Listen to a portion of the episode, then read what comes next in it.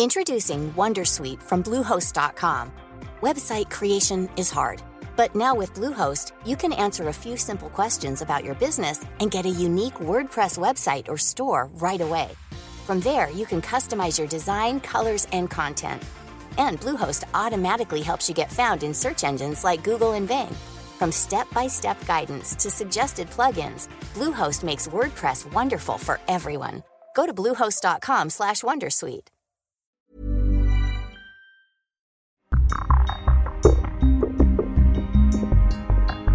Men det är först när tidningen liksom publiceras som jag inser att jag är den enda som går ut med ansiktet.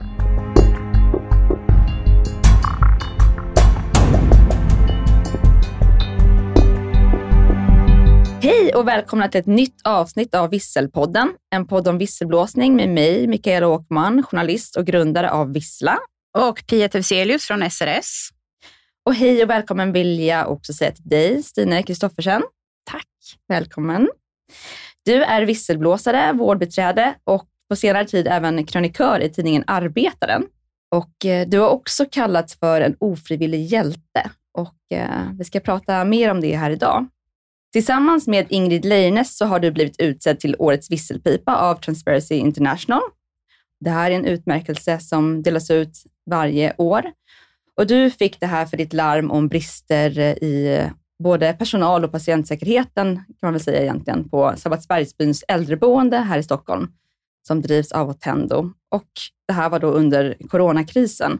Och du ska få berätta med egna ord hur det gick till när du slog larm eh, och vad det var som hände. Men för att ge en superkort bakgrund till er som lyssnar så kan man säga att Ingrid, som arbetade som medicinsk sekreterare på en vårdcentral i Bureå, hon skrev en egentligen väldigt kort insändare i Norran i april 2020, där hon larmade om att vårdpersonal gick till jobbet trots förkylningssymptom. Det här ledde till att hon blev omplacerad av Region Västerbotten vilket eh, SVTs grupp Uppdrag granskning berättade om. Och du och din sida, Stine, du försökte påtala brister i hanteringen av coronasmittan vid äldreboendet där du faktiskt fortfarande jobbar. Och när du inte fick gehör för det här internt så vände du dig till media, till Expressen. Och det ledde till att du fick en erinran av din arbetsgivare. Och det här var något som Ekot och P1 Dokumentär har rapporterat om. Och jag tänkte att jag skulle läsa upp ett eh, utdrag eller en sammanfattad version av motiveringen till att du och Ingrid fick den här utmärkelsen och det lyder som följande. Utmärkelsen Årets visselpipa 2021 går till Ingrid Leines och Stine Kristoffersen som har visat prov på stort civilkurage och mod genom att avslöja allvarliga missförhållanden i vården. Trots det höga personliga pris de båda pristagarna har fått betala för sina insatser har detta inte hindrat dem från att driva frågan vidare och stå upp för rätten till en god och säker vård för alla, liksom för demokratin viktiga meddelarfriheten. Så hur känns det, Stina, att ha fått ett sånt här pris, om vi börjar i den änden? Jag är såklart eh, jätteglad och stolt över att ha fått det här priset. Det betyder jättemycket såklart för mig som person, men först och främst så tycker jag att det liksom slår ett slag för min sakfråga. Mm. Eller mina sakfrågor, för nu eh, är det ju både en fråga om förhållandena för de som bor i äldrevården, eller i omsorgen i stort, men också eh, yttrandefriheten. Du har ju sagt att du eh, var ett helt vanligt vårdbiträde som hamnade mitt i allt det här. Kan inte du bara berätta lite från början vad det var som hände när coronapandemin tog fart? Hos oss eh, så fick vi en väldigt snabb smittspridning. Vi fick in det väldigt tidigt Eh, i eh, mitten på mars där ungefär. Det var eh, ett fruktansvärt scenario som utspelade sig liksom, mitt framför ögonen på oss. Och eh, vi var ju mer eller mindre chanslösa under de förutsättningarna som vi hade att bekämpa den här smittan och hålla den, eh, alltså kontrollera smittan. Vad hände när ni fick de första fallen? Ja, det var ju eh, patienter som uppvisade symptom och, det, och så provtogs eh, de när proverna kom tillbaka eh, så var de ju positiva då för covid-19 och eh, då visste vi ju inte vilka, förutom de här provtagna patienterna på den här avdelningen, som eh, faktiskt bar på smittan. Vi var ju inte alls förberedda eh, på det här inom äldrevården. Vi hade inte tillgång till skyddsutrustning och det gjorde ju att smittan spred sig väldigt snabbt, både till personal och andra patienter. Och vad gjorde arbetsledningen vid det här tillfället då? Vad såg du för brister? Vi saknade ju en kompetent arbetsledning som visste vad de, hur de skulle hantera det.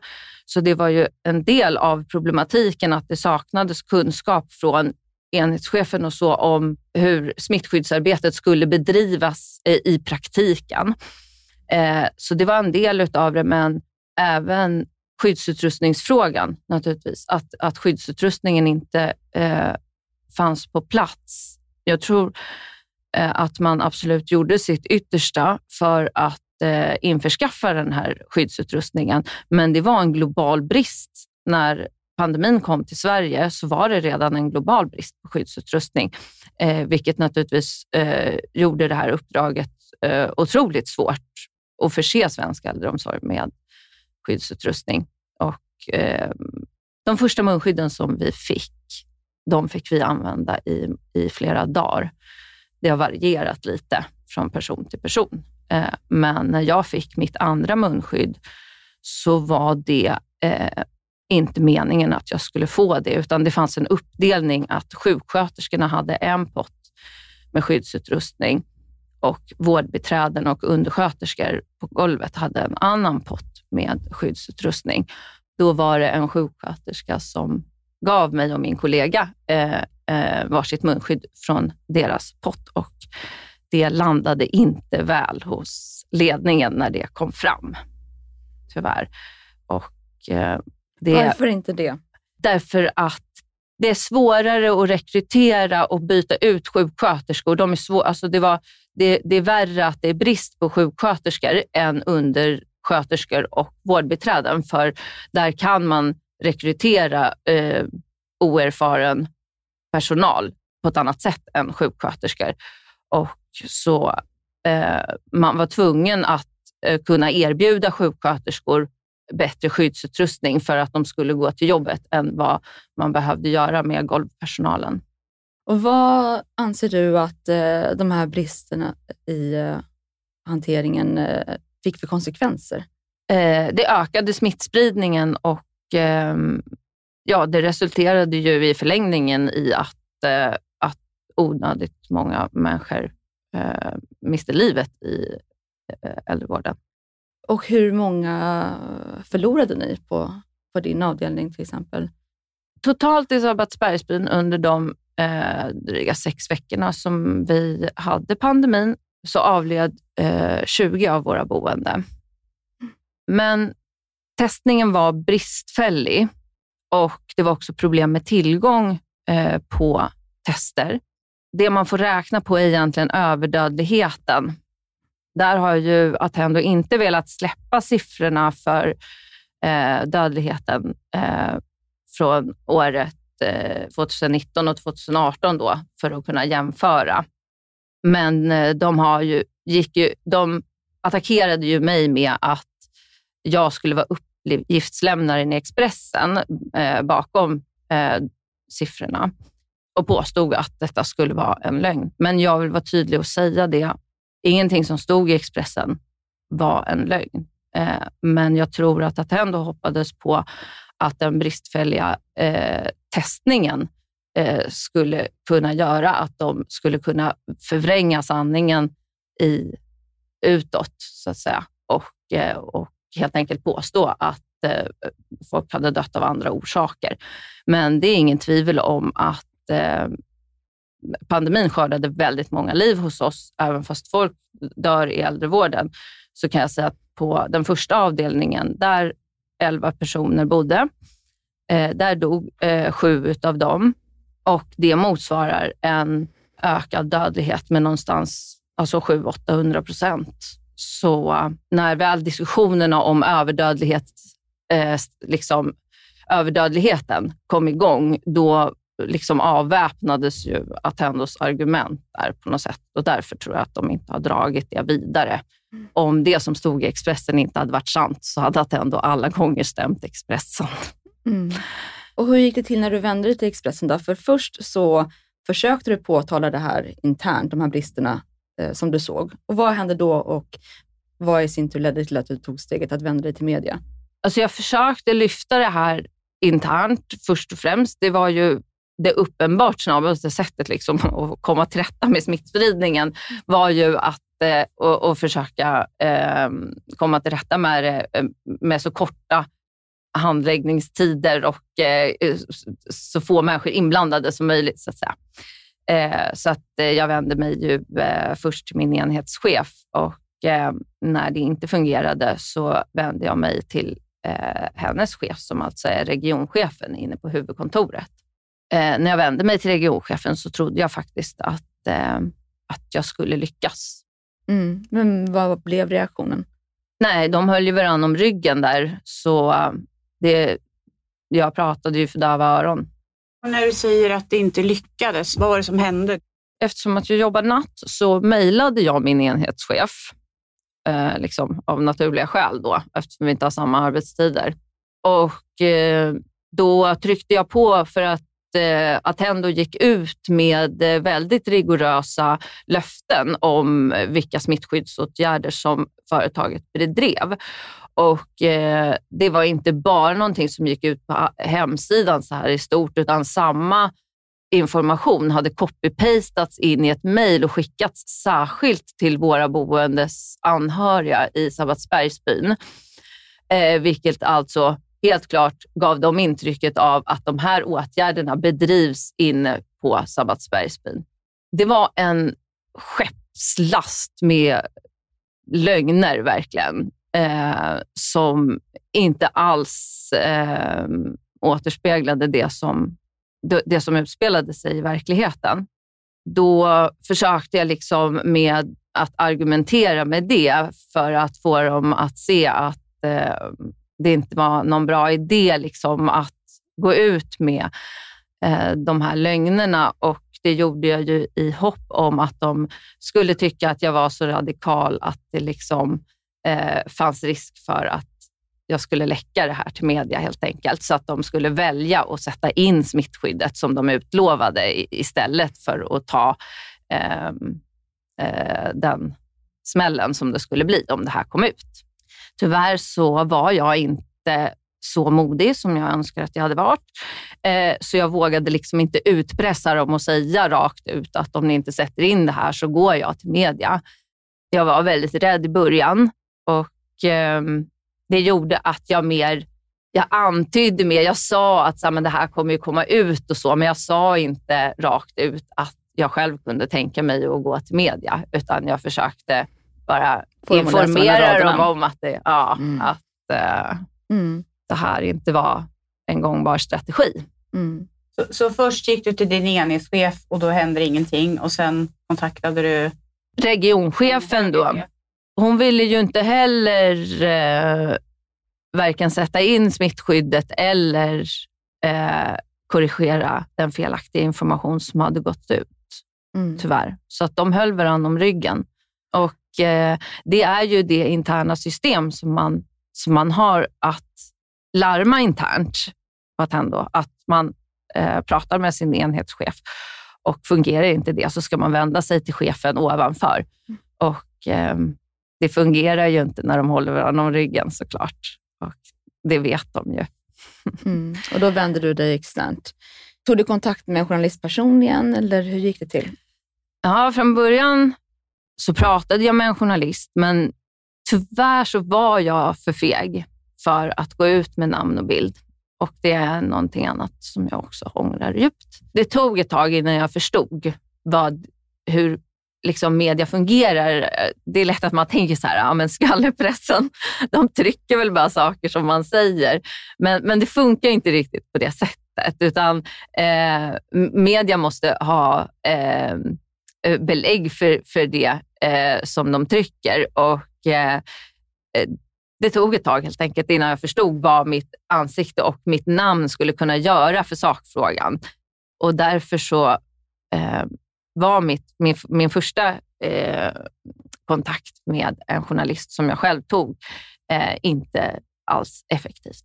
Mm. Så jag, jag fick inte igång den debatt om hur det såg ut inne i äldrevården som jag, mm. som jag ville få, upp på agendan. Liksom. Då bland annat för att de hade behövt kontakta din arbetsgivare och förklara ja. att de hade fått den här informationen. Eh, och Det här har vi pratat om i podden också, att alla måste ju göra sin eh, utredning, oavsett om det är en journalist, eller om det är en polis, eller en advokat eller vem man än vänder sig mm. till.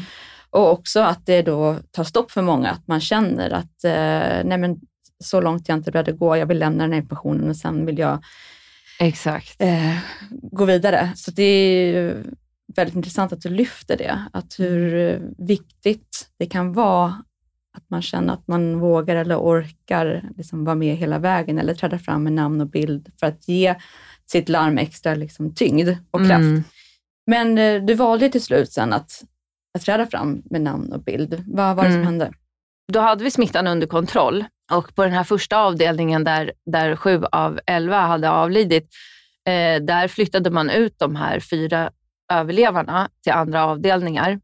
Eh, och eh, eh och erbjöd eh, staden att eh, ta emot eh, nya covid-patienter. Alltså man skulle upprätta en covid-avdelning då, så där man skulle ta in mer covid utifrån. Eftersom att jag inte alls tyckte att vår eh, ledning hade tagit eh, smittskyddet på allvar eh, och inte överhuvudtaget skött det på ett representativt sätt, så ville jag absolut inte att de skulle ta in mer smitta. Och den faran som det liksom utgjorde fick mig att väldigt snabbt överväga bara om jag, om jag inte skulle ändå liksom gå ut i media med mitt ansikte. Men det var också ett beslut som jag förstod att så här, gör jag det här nu då måste jag gå hela vägen. Jag kan inte göra det här halvdant. Liksom. Och det här kommer få väldigt stora konsekvenser för mig själv och liksom mitt liv framöver. Hade du något stöd av kollegor eller fack? Alltså mina kollegor hade jag, jag hade ett jättestort stöd inifrån, men det är ju komplicerat för ingen vill dras in i det, för alla behöver sin anställning. Och att ändå ha en ganska aggressiv hållning till sin personal. Så tystnadskulturen är verkligen som en smocka där inne. Till en början kunde jag liksom inte riktigt få någon att... Det blev liksom att, att jag fick göra det ensam ändå. Men jag hade jättemycket stöd från mina kollegor mm. eh, och jag är enormt tacksam för det. Man blir väldigt eh, utsatt mm. eh, när man liksom blir ansiktet för protesten. Mm. När jag pratade med Expressen så visste jag också att det var fler som hade pratat med Expressen, mm. att jag inte var den enda. Men det är först när tidningen liksom publiceras som jag inser att jag är den enda som går ut med ansiktet. Ja. Mm, du blir frontpersonen på något Exakt. sätt. Exakt. Men du har också sagt att Ingrid var lite av en förebild, eller i alla fall lite inspiration eh, mitt i allt detta? Ja, eh, eh när hennes inslag sändes, det var ju efter Expressen-intervju. Man kan ju säga att min visselblåsning består i två liksom, visselblåsningar, eller två avsnitt. Liksom. Det första jag gör det är den här Expressen-intervjun. Och eh, efter Expressen-intervjun så blir jag ju inkallad till ett möte med, eh, på huvudkontoret. Och Det är det här berömda mötet då som spelas in, eller som jag spelar in och eh, som jag sedan sen lämnar ju det till media. När Ingrids inslag sänds så har ju jag liksom redan varit i Expressen och blivit inkallad till det här mötet. Så då eh, har jag redan tagit det här beslutet att gå hela vägen med min visselblåsning. Att vad som än händer nu så, det, så kan jag inte backa, utan det, det bästa jag kan göra för mig själv och för sakfrågan, det är att här, ta det här hela vägen in i kaklet.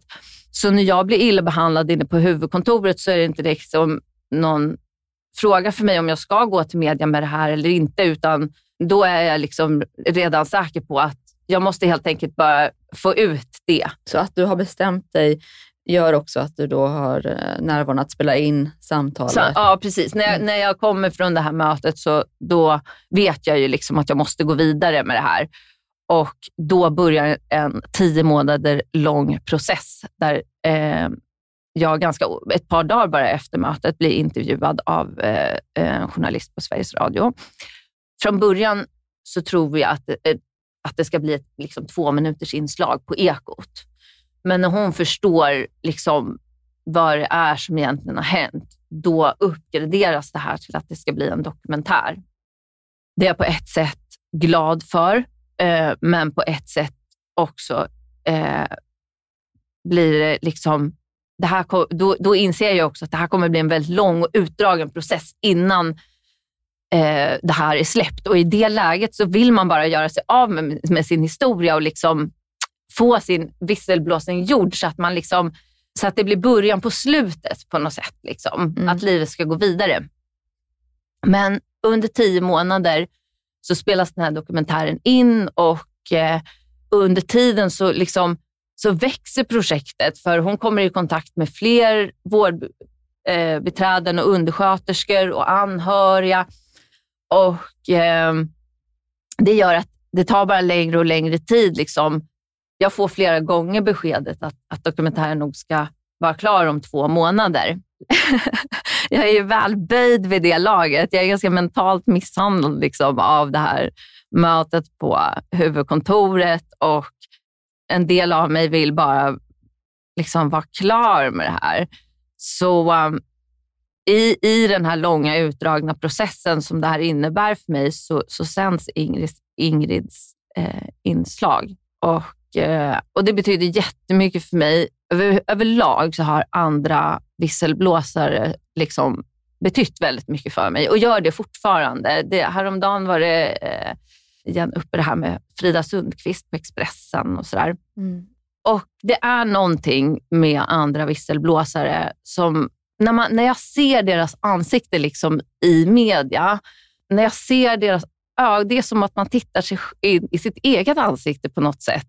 Eh, det är svårt att beskriva, men det, det är någonting med att försätta sig i en, en sån eh, liksom påfrestande situation som det är att gå i krig med liksom människor som har så mycket makt och resurser. De har ju makt över ens eget eh, liv, liksom. ens egen anställning som man är beroende av. Och, eh, det finns någonting som är så otroligt slitsamt med det, eh, som jag bara kan se i andra visselblåsare. Liksom. Mm. Ja.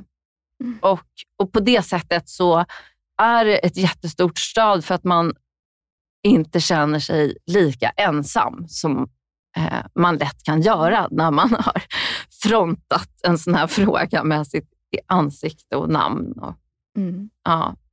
Din berättelse är ju ganska, tyvärr får man säga, typisk för en visselblåsare, just den här känslan av att vara ensam. Eh, när det egentligen handlar om ett problem eller en situation som berör väldigt många. Jag kan tänka mig att det är en känsla av att man inte borde behöva vara ensam, för att man gör någonting för allas bästa, mm. som man ser det. Men eh, under de här tio månaderna eh, som arbetet pågår med dokumentären, vad händer på boendet? Sker det några förändringar eller förbättringar? Eh, nej, då har vi ju inte smittan inne hos oss. Så att eh, på det sättet så lugnar ju situationen ner sig. Eh, men sen, eh, då kommer ju eh, allt det här med om vi kommer få en andra våg och om eh, eh vad heter det, viruset kommer att mutera till andra former och, och sådär. Så att eh, den psykiska pressen ligger till dels kvar, även fast det inte alls går att jämföra med den psykiska press som det var att stå face to face med, med viruset, det ska jag säga. Mm. Eh, men då har jag ju en, en annan typ av press på mig. Jag vet ju vad det är jag har gjort och jag vet ju att eh, mina chefer kommer att höra sig själv i radio. Jag kan ju inte säga att jag vet hur det kommer att landa, men jag kan ju ana mm. hur det kommer att, att landa. Och vad händer då när det här sänds? Ja, det omedelbara som händer är på något sätt väldigt overkligt. Liksom. Jag jobbar natt Eh, och i, i, vi som jobbar i äldrevården, eh, vi jobbar från 21 på kvällen till 7 på morgonen, vanliga vårdtider. Så jag jobbar natt. Jag går av mitt pass på morgonen och eh, jag slutar eh, tio över sju och eh, då måste jag springa hem för att eh, halv åtta ska jag vara uppkopplad på en länk till en eh, direktsändning på eh, SVTs morgonstudio. Eh, där eh, reportern då, Johanna Sjövall som har gjort den här eh, dokumentären, hon eh, ska berätta att hon har gjort den här dokumentären. Det, det är liksom så det, den kommer ut, dokumentären. Och eh, en blandning av eh, en enorm lättnad att dagen äntligen är här, när det här ska släppas. Eh, men också såklart eh, jättemycket nervositet och rädsla för hur det, vad som kommer att hända. Liksom. Eh, och jag stämplar ut eh, fyra minuter för tidigt och stämpelklockan kommer upp så här röd text, så här, olovlig frånvaro fyra minuter typ. Jag bara, ja adjöss liksom och bara pinnar hem allt jag orkar. Jag hinner inte duscha, ingenting. Jag bara ställer mig där, staplar upp min lilla mobil på byrån och, eh, och kopplar upp mig på den här länken. Och Det är jätteoverkligt att se Johanna sitta där liksom i studion med nyhetsankarna. Eh, jag har varit eh, under stora delar av det här har jag varit väldigt isolerad på grund av restriktionerna och eh, som vi, många av oss som jobbade i äldrevården tog det väl på stort allvar. Eh, så Johanna är ju en av de få människorna som jag har träffat. Liksom. Så eh, jag är van att se henne liksom i mitt kök. Men det är jätteoverkligt att se henne liksom sitta där. Och jag är jättenervös såklart att jag ska göra en direktsändning och så. Men det går ganska okej ändå. Det var inte jättebra, men jag är också helt slut efter att ha jobbat tio timmar natt. Så jag bara kryper ner i min säng och bara, okej, okay, nu är det gjort. Så och eh, Det är en lättnadskänsla. Och Sen sover jag ett par timmar och sen när jag vaknar, då har den här historien fullständigt exploderat. Och det är liksom, alltså hela min mobil är bara så här, flödar över av eh, journalister som har smsat och ringt och vill intervjua mig. Och, ja, jag antar att eh, medan jag låg och sov så var det väl ett och annat krismöte inne på huvudkontoret, kan jag tro. Eh, hur man skulle hantera det här. Kontaktade de dig på något sätt i samband med publiceringen? Fick du någon omedelbar reaktion? Inte, alltså omedelbar, omedelbar, inte omedelbar kanske, men en av de få vännerna som jag träffade fysiskt under den här perioden är en av mina absolut bästa vänner i livet. Och eh, Jag har varit hemma hos henne eh, och det är ungefär en vecka efter publiceringen. Och, och Hon har barn och då får man ju aldrig prata med, sin, med föräldrar. Eh, så det brukar bli ganska sent. Liksom, för vi, först måste barnen gå och lägga sig innan vi kan sätta oss och, och, ha liksom, och snacka och så. Jag tror att klockan är kanske halv två på natten eller någonting när jag kommer hem. Uh, och Det är natten mellan en lördag och söndag, tror jag. Och När jag kommer hem där, då står det en blombukett lutad mot min dörr som jag tar med mig in i lägenheten och öppnar den. Och Den är från vår koncernchef Martin Tiveus med ett kort och en eh, ursäkt. Vad kände du då när du såg blommorna och läste det kortet? Ja, jag skäms för så här i efterhand, men naivt nog så, så hoppades jag ju att det här var liksom första steget på en förbättring och att det skulle vara ganska på riktigt. Liksom, att man jag kan inte säga. Som person kanske han faktiskt menar det och, och vill liksom, att han menar det, äh, uh, ursäkten till mig så att jag blev illa behandlad eller så. Men i efterhand är jag jättebesviken ändå uh, för att jag inte tycker att de förbättringar som jag hade hoppats på liksom ändå inte har förverkligats. Liksom. Så jag tycker att ursäkten mm, i efterhand så tycker jag att den framstår som tom. Men just då eh, kände jag mig lite stolt och glad liksom, och hoppades på att jag hade jag kanske inspirerat Attendo till att förbättra sig. Mm. För du Så- fick ett personligt möte också med vdn, visst var det så? Mm. Dagen efter, på söndagen, då får jag ett sms ifrån honom att han vill träffa mig. Det är jag också jätteglad för. Liksom. Jag har ju försökt att få tag på honom väldigt länge under, eh, när jag inte kom till rätta med det här, när jag pratade med, när jag kontaktade regionchefen, så var ju liksom eh, koncernchefen då nästa steg, så då ville jag eh, prata med honom, men eh, jag kom aldrig fram. Jag fick numret till hans sekreterare i, i växeln, men där i växeln så, det var nog också ett misstag. Jag outade liksom min fråga. um, och, uh, och då avslöjade jag ju också mig själv som en kritiker. Och uh, ja, Jag kan ju bara spekulera, men jag tror att jag hamnade i eh, liksom mappen för besvärliga anställda bara.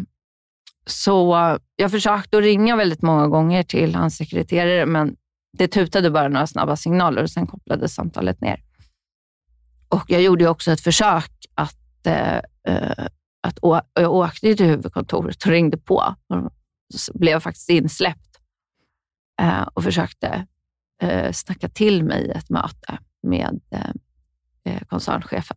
Men upplevde du att, ha, att eh, vdn skyddades från dig?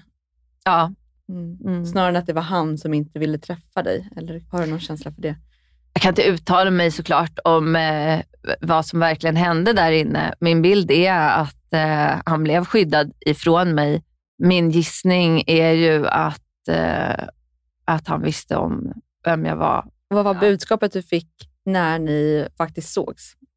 Vad sa han till dig? Jo, men det var ett, ett bra liksom, samtal. Det var ju liksom ganska konstruktivt då, om, man, om, man får, om jag jämför med eh, det här mötet som jag hade haft innan med de här tre andra personerna, HR-specialisten, min enhetschef och eh, regionchefen. Det här mötet som jag blev kallad till efter Expressen-intervjun, som ju överhuvudtaget inte handlade om liksom, smittskyddet eller någonting eh, vettigt, utan det var ju mer eller mindre bara en, en, någon slags sågning av mig. Men det är klart att, att eh, det, var, det var ett betydligt bättre möte och jag, jag måste säga att han gjorde ett, ett ganska bra intryck på mig. Eh, men självklart, efter allt som hade hänt så var jag ju också otroligt skeptisk och eh, det, det ligger ju i, i deras intresse såklart att, jag menar han kan inte ställa sig där och så kalla in mig till huvudkontoret och såga mig en gång till. Det, det låg ju i deras intresse att eh, behandla mig väl och eh, åtmin- eh, låtsas som att de lyssnar. Mm. Jag var glad för mötet då i hopp om att det, att det skulle leda till eh, förbättringar och att Attendo skulle eh, på riktigt liksom ta ett omtag och Eh, se över en, den absolut eh, fruktansvärda företagskultur som de... Jag menar, det, Attendo är ett företag som har varit i moraliskt förfall i årtionden, om man frågar mig. Så det är klart att jag hoppades att jag hade kanske kunnat påverka det och att man eh, skulle vilja vara ett, eh, ett annat typ av företag. Ja. Jag tänker ju direkt, eh, blir lite intresserad av att höra om, vad, vad du tror om, om man hade haft en, en eh, möjlighet att anmäla det här till en extern partner som ser på ärendet kanske mer på ett objektivt sätt. För det du beskriver är ju att dina chefer är väldigt inblandade i, i det som händer. Mm. Och att det kanske då blir väldigt färgat av, precis som du själv beskriver, att de vill försöka skadeeliminera så mycket det går eh, när det Mm. gäller kanske ja, företagets varumärke och så vidare. Ja. Om du hade kunnat anmäla det här till eh, någon extern partner och, och man hade kunnat liksom utreda det här utan att blanda in dem i första läget. Hade det varit någon skillnad, tror du? För dig och för, för att driva ärendet framåt? Eh, du menar smittskyddet? Jag tänker det du larmade om. Ja, det, det var ju liksom smittskyddet. problemet lite grann med pandemin eh, var ju att viruset var, det smittade så otroligt snabbt. Och Det var ju det som var mitt bekymmer, att blanda in extern... Alltså att, eh, visst, jag kunde ha ringt Kommunal och de ska ha något möte. Och du vet, så här, men det här var ett virus som smittade folk varje, varje minut. Liksom, så riskerade någon att få ett dödligt virus som möjligtvis skulle kosta dem livet. Så det är ju lite komplicerat liksom, på grund av eh, sakfrågans natur, ja, eller hur jo. jag ska uttrycka det. Men du ville ta det kortaste steget jag ville, till en lösning ja, som du beskrev. Exakt. Ja. Det, ja, någon det, slags 112 visselblåsningskanal. Ja. Nej, men äh, att det, ja, jag förstår vad du menar. Ja. Man kunde inte dra det här i någon långbänk, utan var tvungen att gå direkt till de som eh, sitter på besluten. Ja, att det enda egentligen skydd vi skulle kunna ha i en sån situation, det är en helt förändrad kultur i äldrevården, där man samarbetar med personalen på golvet och eh, eh där man välkomnar eh, kritiker. Jo, för det har vi pratat om i, i tidigare intervjuer, hur viktigt det är att vända på alla stenar.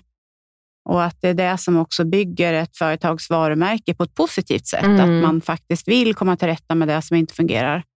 Ja, en reflektion bara. Ja, det är liksom en hel kulturförändring skulle jag vilja säga som, som skulle vara det enda skyddet för ja, att man på ett snabbt sätt skulle kunna komma till rätta med, med ett, ett problem av den här typen. Liksom.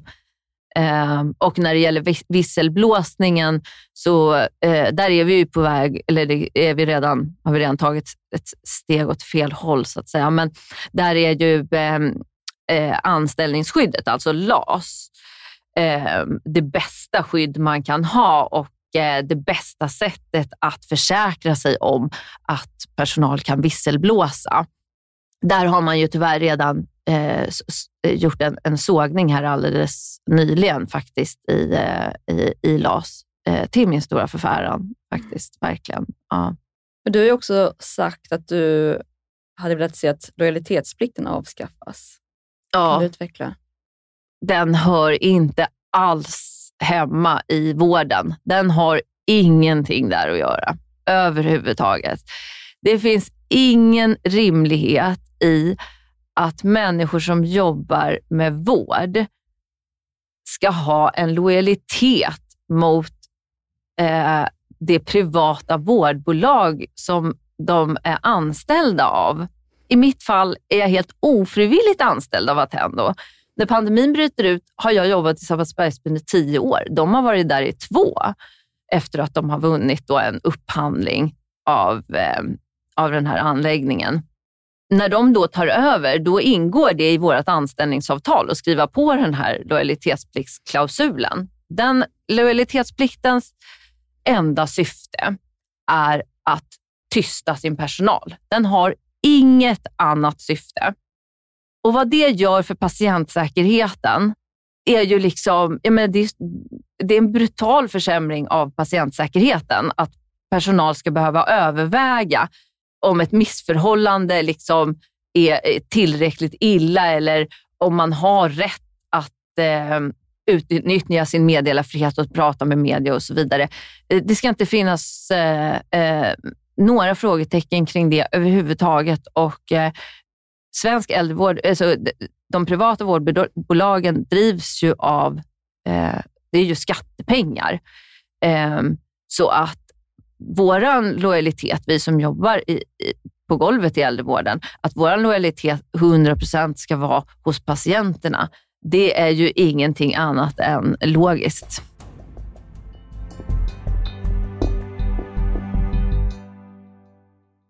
Hur mycket skulle du säga att du kände till om dina rättigheter som visselblåsare? Jag tänker både på visselblåsarlagen som finns, men också eh, meddelarfriheten.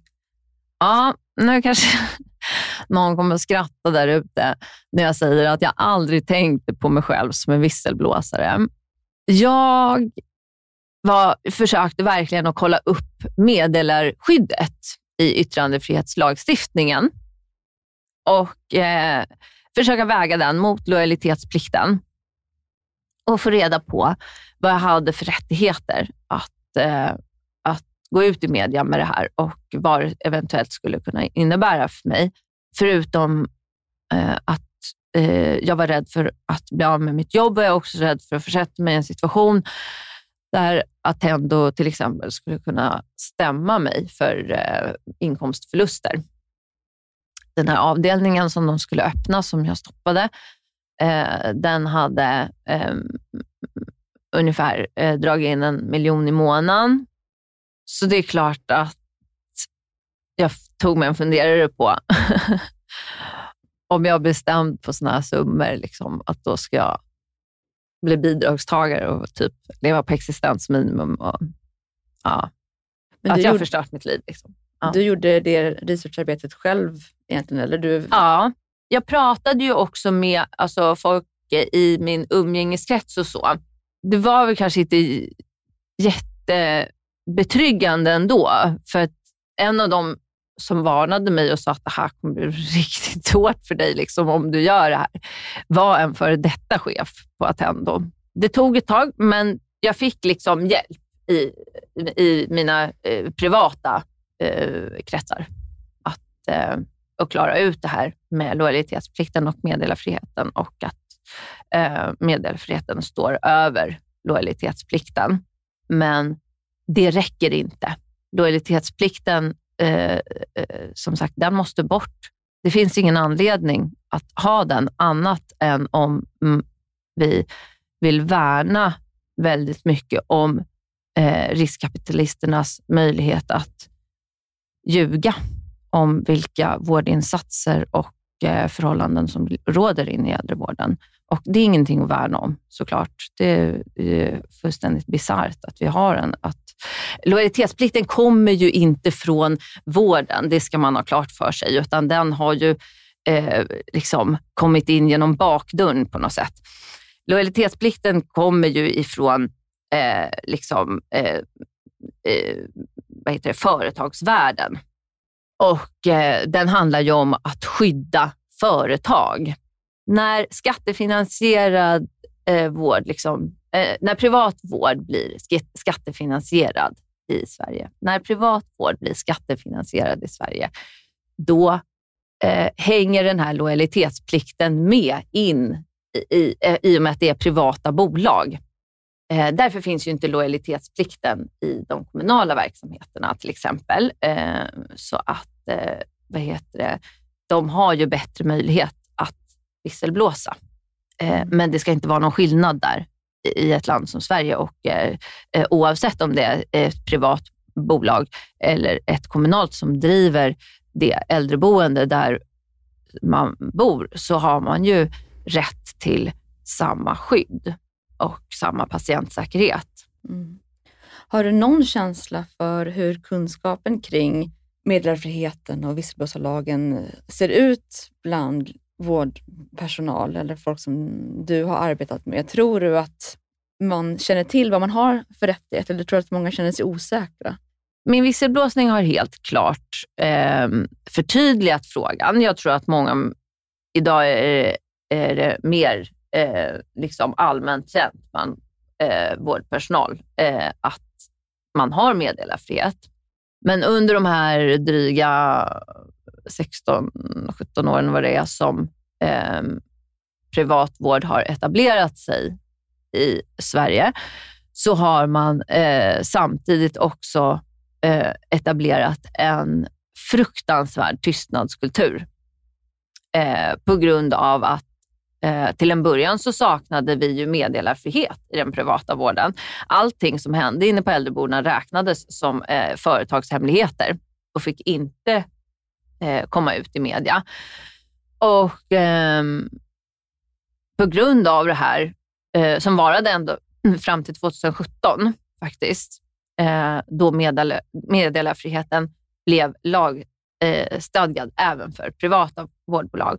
Under alla de här åren så har man ändå lyckats att etablera en eh, tystnadskultur som är så kompakt att eh, det att jag har belyst frågan och klargjort ens eh, liksom lagliga rättigheter, det eh, bekämpar tyvärr inte tystnadskulturen i någon större grad. Folk är otroligt rädda.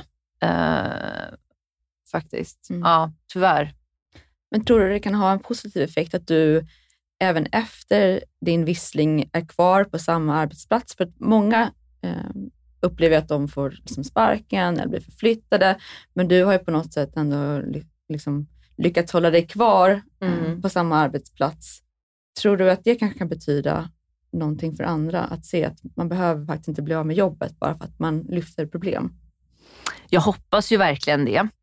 Det är ju en av anledningarna till att jag är kvar, att jag vill signalera att eh, eh, man ska inte som vårdpersonal behöva vara den som går när det är vårdbolaget som i det här fallet ljuger om smittskydd och gör, eh, möjligtvis har gjort lagöverträdelser. Det, jag, kan inte, jag får inte säga nu här att de har gjort lagöverträdelser eftersom att eh, vi har en rättegång framför oss möjligtvis. Det är en förundersökning i alla fall på gång och, mm. eh, och därför kan jag säga att man eh, misstänker att eh, lagen har överträtts. Mm. Mm. Men hur skulle du beskriva din arbetssituation nu? Känner du att du liksom trivs på jobbet? Känner du att eh, din vissling har påverkat hur du bemöts idag? Alltså det, är, det, ja, det är så blandade känslor. För på ett sätt är det ganska nedbrytande att jobba kvar på samma eh, ställe. Och på ett sätt så är det liksom en personlig boost. Liksom, att, att jag är ju också stolt över att jag inte sålde min själ. Eh, att jag stod upp för mina åsikter och att eh, jag ändå liksom har tagit de här käftsmällarna då. Jag har ju andra möjligheter att påverka. Vad, alltså, eh, det är klart att eh, man är mer lyhörd liksom, för när jag, om jag lyfter någonting som inte fungerar inne på min arbetsplats nu så har jag ju ett betydligt bättre genomslag än vad jag någonsin har haft. Och det är klart eh, att, att jag är glad för det. Du beskrev ja förut att du känner att du kan påverka situationen. Du kanske har flexat musklerna lite och känner att du har lite handlingsutrymme. Ja, det har jag ju. Ja, jag kan ju påverka saker som mina kollegor inte kan påverka. Upplever du att de eh, ser dig lite som en budbärare nu? Att det finns arbetskamrater som upptäcker saker och sen kommer de till dig? För att de eh. vet att, för att, de vet att eh, om du säger till om det så ja. händer det någonting. Ja, eh, ja, en del har ju eh, väldigt höga förväntningar på vad jag kan, vad jag kan åstadkomma. Ja, alltså det är ju också sant att jag, att jag har ett helt annat handlingsutrymme. Eh, och Jag har ju också satt mig in i frågor och jag är ju mycket mer påläst och än vad jag var innan. Eh, och eh, Det är väldigt mycket saker eh, som jag har behövt sätta mig in i. Jag är mycket mer liksom, både politiskt insatt och eh, men också i eh, eh, hur, hur jag liksom kan vad jag har, vart jag har möjlighet att till exempel driva en fråga och hur jag gör det bäst. Och, har du samlat på dig några råd då till eh, potentiella visselblåsare där ute? Finns det någonting där du vill att skicka med till dem, något budskap? Absolut. Viktigast av allt, spela in din chef. För alltid väldigt noggranna anteckningar över allt som händer. Alla utspel du gör och all moteld som du får.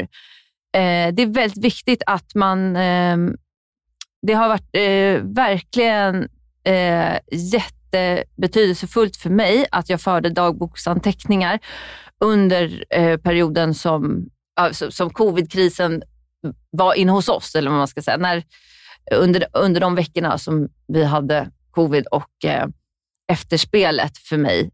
Har man på fötterna så eh, då har man helt andra möjligheter att, eh, att göra en visselblåsning. Man behöver bevis. Det måste jag säga är Mm. Absolut det viktigaste. Tänk på att eh, alltid kunna bevisa din sak. Spela in din chef och var noga med att anteckna allt som händer och samla på dig bevis. i meddelarskyddet så ingår inte att eh, du får inte lämna eh, dokument till en journalist. Eh, men du får läsa upp ett dokument för en journalist. Så tänk på det. Eh, att du inte gör någonting som, där du själv gör en lagöverträdelse. Är du osäker på det här, eh, kontakta en annan visselblåsare eller mm. någon, en sakkunnig person i frågan. Mm.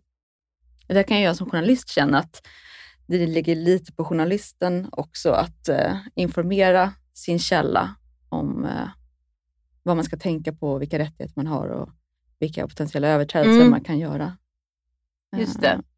Men som, eh, för mig så fanns det ju liksom en, eh, också en process innan eh, jag kontaktade media.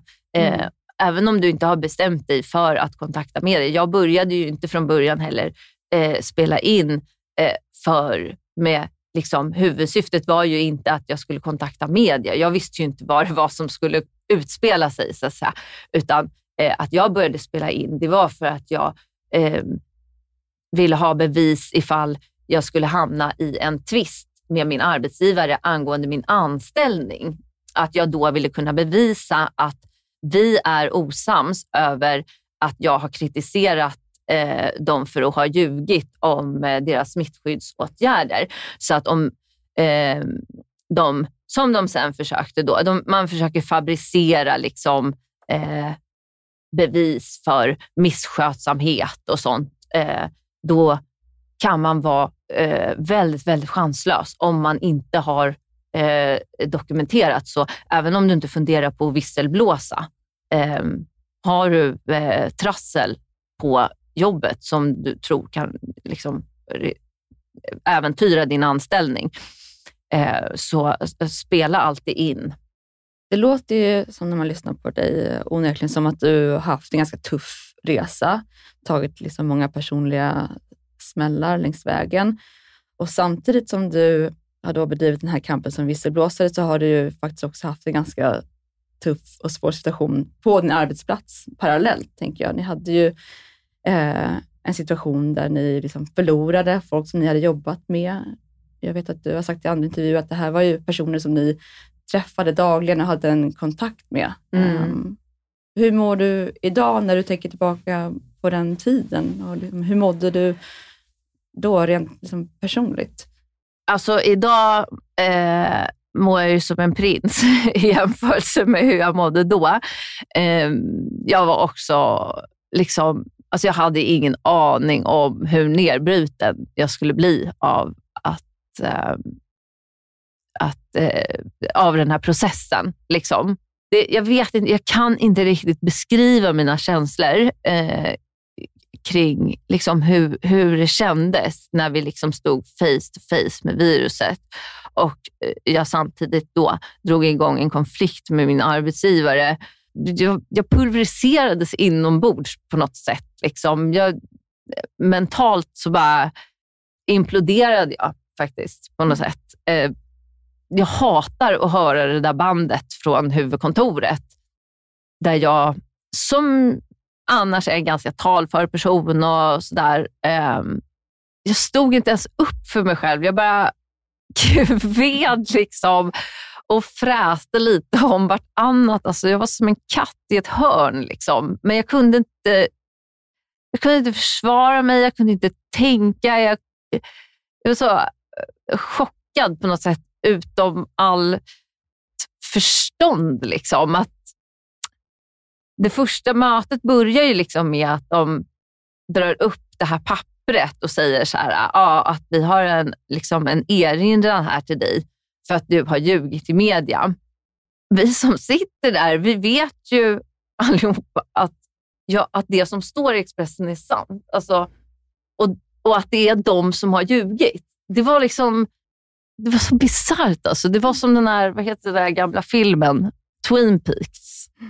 Du har varit ganska hård mot dig själv och jag har sett intervjuer där du har kallat dig eh, liksom misslyckad. Du har beskrivit att du har känt dig misslyckad för att du inte lyckats lyckades rädda fler, som du har eh, formulerat det. Kan du inte så här i efterhand se att det var en väldigt tuff situation att ute på golvet eh, mötas av människor som dog framför dig, samtidigt som du bedriver en jättehård kamp mot eh, en ganska maktfull eh, arbetsgivare. Mm. Jag förstår vad du menar. Jag vet inte. Eller har du fortfarande mm. kvar den här känslan av att jag kunde ha gjort någonting mer? Ja, ja. jag borde ha utpressat dem från start och sagt så här, sätt ni inte in det här smittskyddet nu, då går jag till media. Vad tror du hade hänt då? Förhoppningsvis hade de satt in smittskyddet, alltså. i alla fall i Sabbatsbergsbyn. Kanske inte på andra anläggningar, men för att uh, undvika liksom, en skandal. Det hade inte påverkat de tre första avdelningarna som drabbades, för det förloppet gick så fort.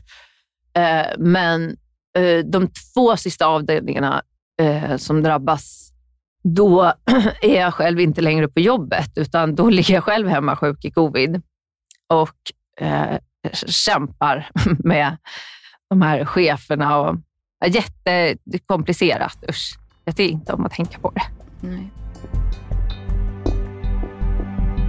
Jag tänkte att jag skulle avsluta med en fråga som är lite framåtblickande. När du fick utmärkelsen Årets visselpipa 2021, eh, här för en liten tid sedan, så fick du frågan ifall du känner dig trygg idag och då svarade du ja, så, så länge du har media i ryggen. Och du sa också att du var medveten om att, att lamporna kommer slockna en dag.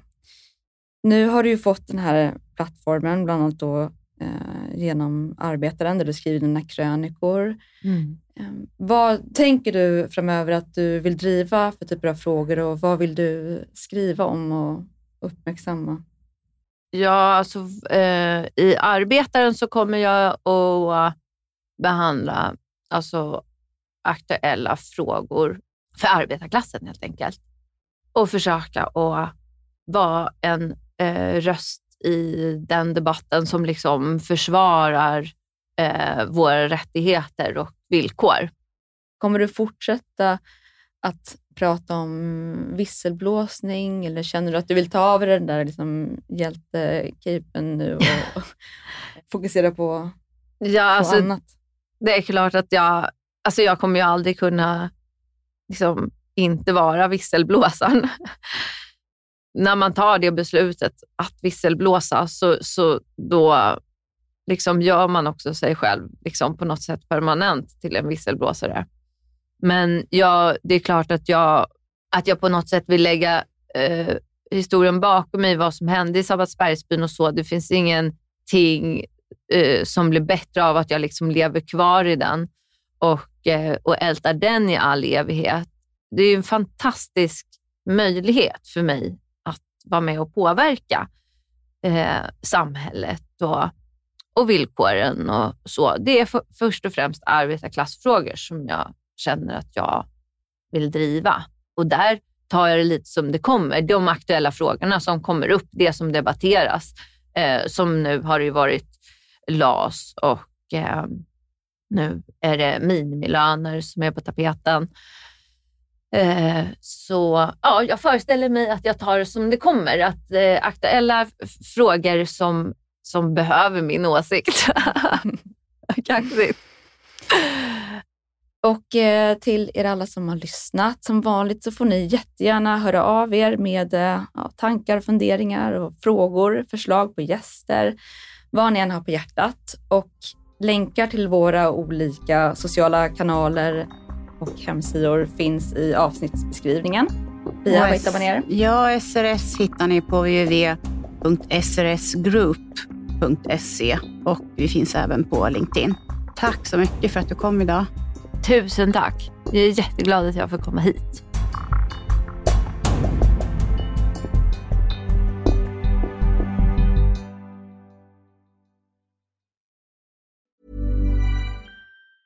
Tired of ads barging into your favorite news podcasts? Good news. Ad-free listening is available on Amazon Music for all the music plus top podcasts included with your Prime membership. Stay up to date on everything newsworthy by downloading the Amazon Music app for free or go to amazon.com slash news ad free.